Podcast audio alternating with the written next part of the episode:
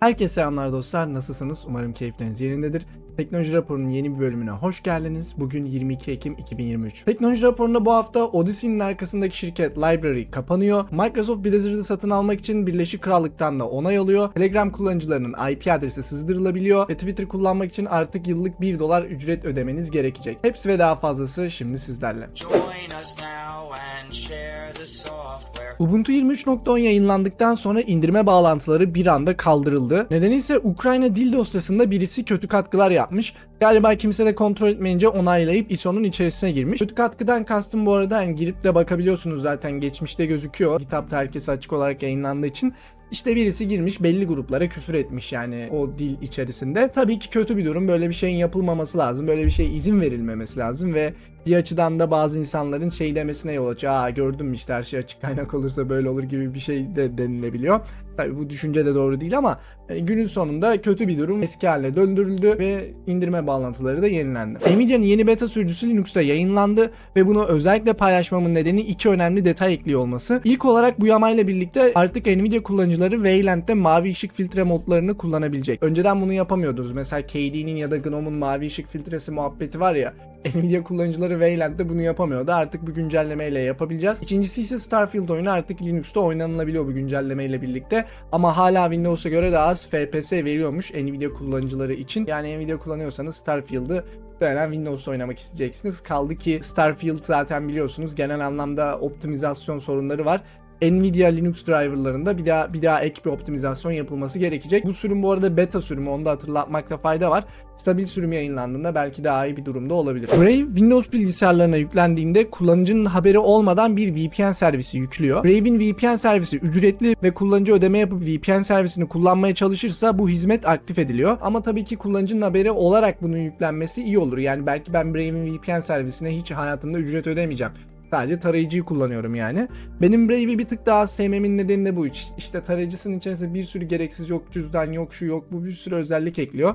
Ve varsayılan olarak açık getiriyor bunları. Hani en başlangıçta sorsa kapatayım mı diye sorsa belki yine biraz daha olumlu bakacağım. Vivaldi'yi de benzer bir nedenden dolayı sevmiyorum. Gerçi Vivaldi'nin kapalı kaynak kodu da var. Or- orası da ek e, hikaye ama her neyse Bray bu Windows'taki VPN olayını sonraki sürümlerde kaldıracağını ve düzelteceğini söylemiş bu haberin ardından. Ubuntu 19 yaşında doğum gününü kutlarız. Tamam Snap'leri sevmiyor olabilirsiniz ama Ubuntu'nun Linux'un popülerleşmesinde önemli katkı sağladığını ve hala özgür yazılım camiasına büyük katkılar yaptığını unutmamak gerekli. Odyssey'nin arkasında olan Library şirketi SEC davasını kaybetti ve bu durum sonucunda borçlandı. Bu borçlarından dolayı da şirket kapanıyor. Geçtiğimiz aylarda konuşmuştuk Odyssey ile SEC kapışacak diye.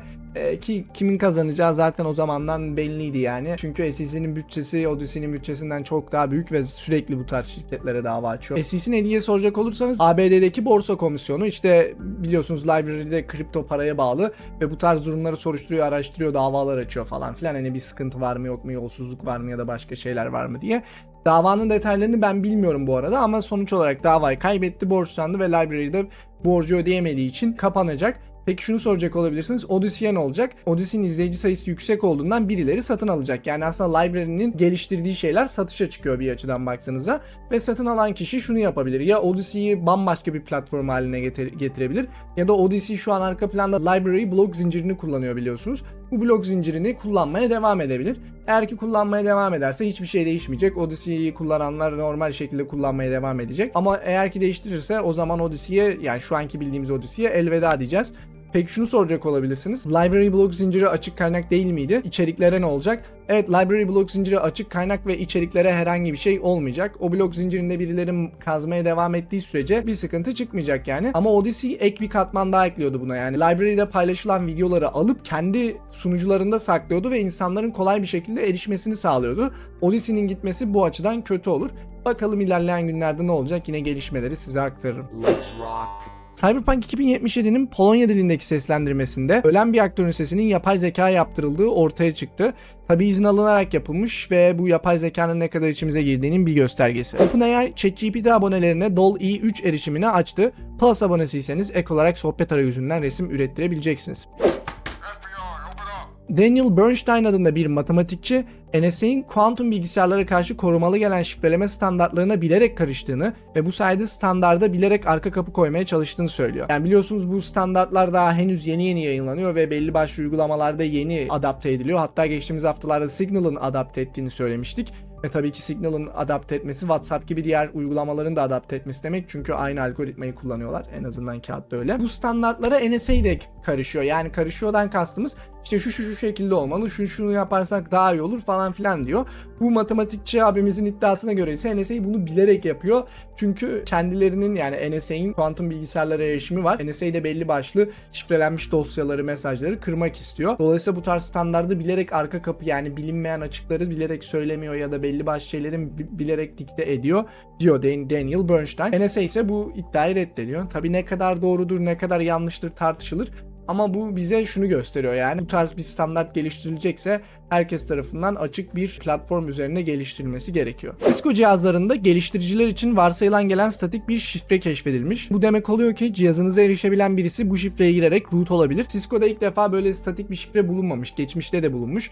Yani tabii ki bu çok sıkıntılı bir durum. Senin bu şekilde etrafta sağda solda herkesin erişebileceği, herkesin bildiği bir root şifresi bırakmaman lazım. Öyle bir cihazınız varsa konuya göz atmanıza fayda var. WhatsApp'a passkey özelliği gelecek. Yani WhatsApp hesabınızı biyometrik verilerinizle şifreleyebileceksiniz ve hesap değişikliğinde de yine bu verilerinizle hesabınızı kurtarabileceksiniz. Google'a Notepad Plus diye bir aratma yaptığınızda önünüze çıkan ilk sonuçların hepsi oltalama saldırısı ve bu sitelere girdiğinizde zararlı yazılımları bilgisayarınıza kurmanıza neden oluyorlar. İşin kötü yanı ise 6 aydır bu olay Google'un gözünden kaçmış. Yani 6 aydır kim Google'a Notepad Plus diye aratma yaptıysa bu kişiler zararlı yazılım indirmiş olabilirler. Özellikle reklam engelleyici koymuyorlarsa. Çünkü bu ilk çıkan oltalama saldırısı dediğim Google'un reklam sisteminden dolayı çıkıyor. Bu durum çok can sıkıcı. Geçmişte de oldu, defalarca oldu ve bana sürekli soruyorsunuz abi işte hani reklam engelleyici kullanmayı neden teşvik ediyorsun diye.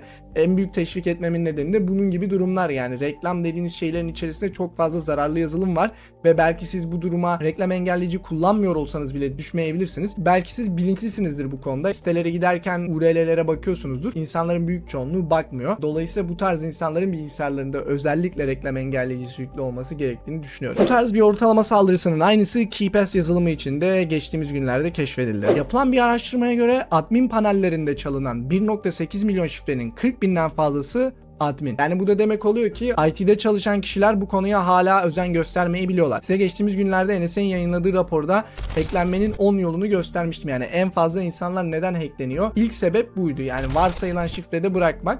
E, görünüşe göre hala yani IT'de çalışan insanlar bile bunu ciddiye almıyor ve büyük bir sıkıntı. Demek ki NSA bunu ilk maddeye koyarken dalga geçmiyormuş yani gerçekmiş. Geçtiğimiz haftalarda size WinRAR'da kritik bir açık bulunduğunu ve yama geldiğini söylemiştim. Umarım yamaladınız çünkü Google'a göre bu açık devlet tarafından desteklenen Rus ve Çinli hackerlar tarafından patlatılıyor ve hala birçok kişi yamayı yapmamış. Google Play Protect bir APK yüklerken uygulama kodlarını tarayacak ve şüpheli bir aktivite görürse uygulamayı yükleme konusunda kullanıcıyı uyaracak. Mantıken güzel bir ek adım ama bu tarz önlemlerin esas sorunu kullanıcı internetten rastgele bir APK indirirse ve bu taramayı yaptıktan sonra kullanıcıya güvenli derse bu durumda kullanıcıya sahte bir güvenlik anlamı yaratmış olacak. Bu da iyi bir şey değil yani kullanıcı rastgele bir APK indiriyor e, Google tarayacağım diyor tarıyor ve bir sorun bulunamadı diyor E, sonrasında uygulamayı kuruyor yani bu tarz sistemler %100 tüm zararlı yazılımları keşfedecek diye bir kaide yok keşfetmeye de bilir ama kullanıcı bu sefer tarattığında Aa, tamam sorun yok diye devam ederse daha da büyük bir sıkıntı yaratır. Bence bu noktada kullanıcıya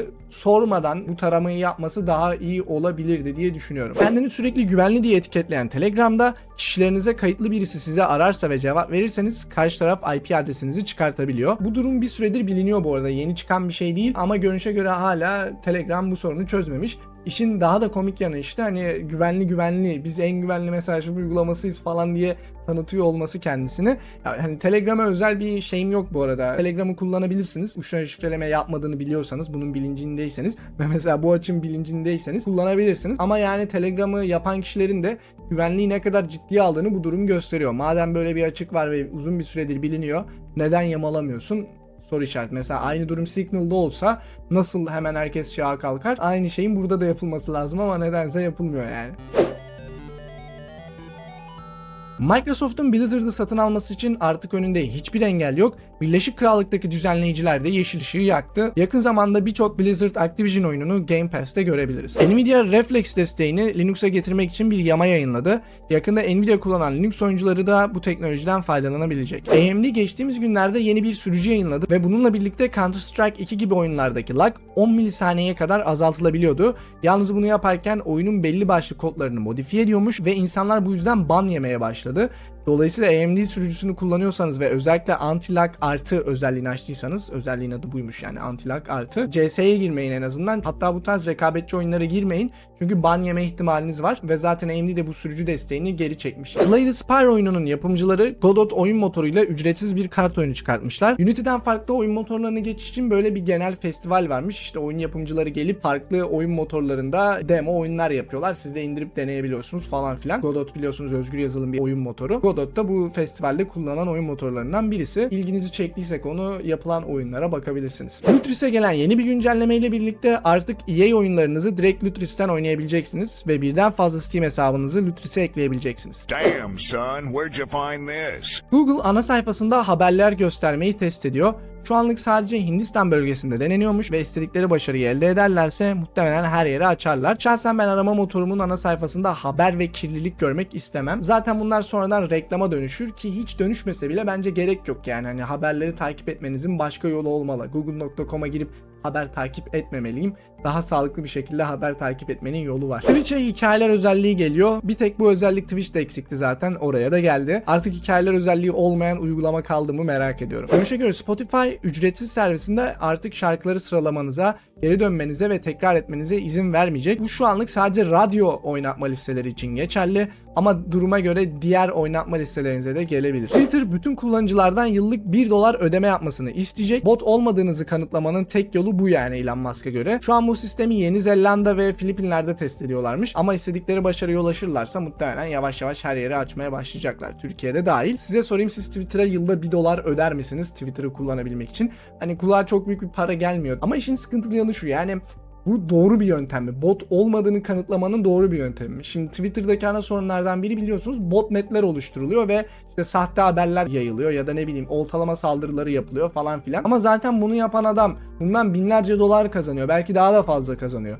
Hani bir botnet oluşturmak için 1000 dolar öder. Sallıyorum 1000 hesaplık bir botnet oluşturmak için e, 1000 dolar öder. Ha şunu diyor olabilirsiniz abi kredi kartı ekleme muhabbeti falan filan olacak. Ya yine bulunur bir şekilde o botneti oluşturmak için e, oradaki kişi binlerce yüz binlerce dolar kazanacaksa bu işin sonucunda bulur bir şekilde sanal kartlar bulunur cart çurt bir şekilde bulur o botneti yapar yani. Sonuç olarak sanal kart falan oluşturmak da o kadar zor bir şey değil limitli bir şey değil. Bu durum bence Twitter bot sorununu çözmeyecek. Bir noktada azalma görürüz ama %100 çözeceğini de ben düşünmüyorum. WhatsApp'a birden fazla hesaba aynı anda giriş yapma özelliği geldi.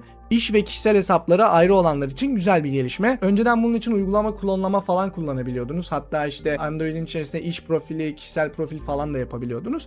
Ama en azından WhatsApp için bunu yapmanıza gerek kalmayacak artık. Elon Musk Avrupa'da X'in kapatılabileceğini söylemiş. Nedeni ise Avrupa Birliği şu an X'i sürekli zorluyor. Özellikle İsrail-Hamas savaşında da sürekli yanlış haberler yayıldığına ve regüle edilmesine dair baskılar yapıyordu. Ama sadece bu da değil yani genel anlamda Avrupa Birliği biliyorsunuz sürekli sosyal medyalara baskı yapıyor. İşte Meta'yı da yapıyor sadece Twitter'a ya da X'e özel bir şey değil bu. E, Elon Musk da bundan hoşnut değil ve işte konuşma aşamasında Avrupa Birliği'ne kapatabiliriz X'i demiş. Elon Musk'ın ağzından çıkan şeyler ne kadar saçma ya da delice ya da ne bileyim garip gelse de gerçekleşebiliyor.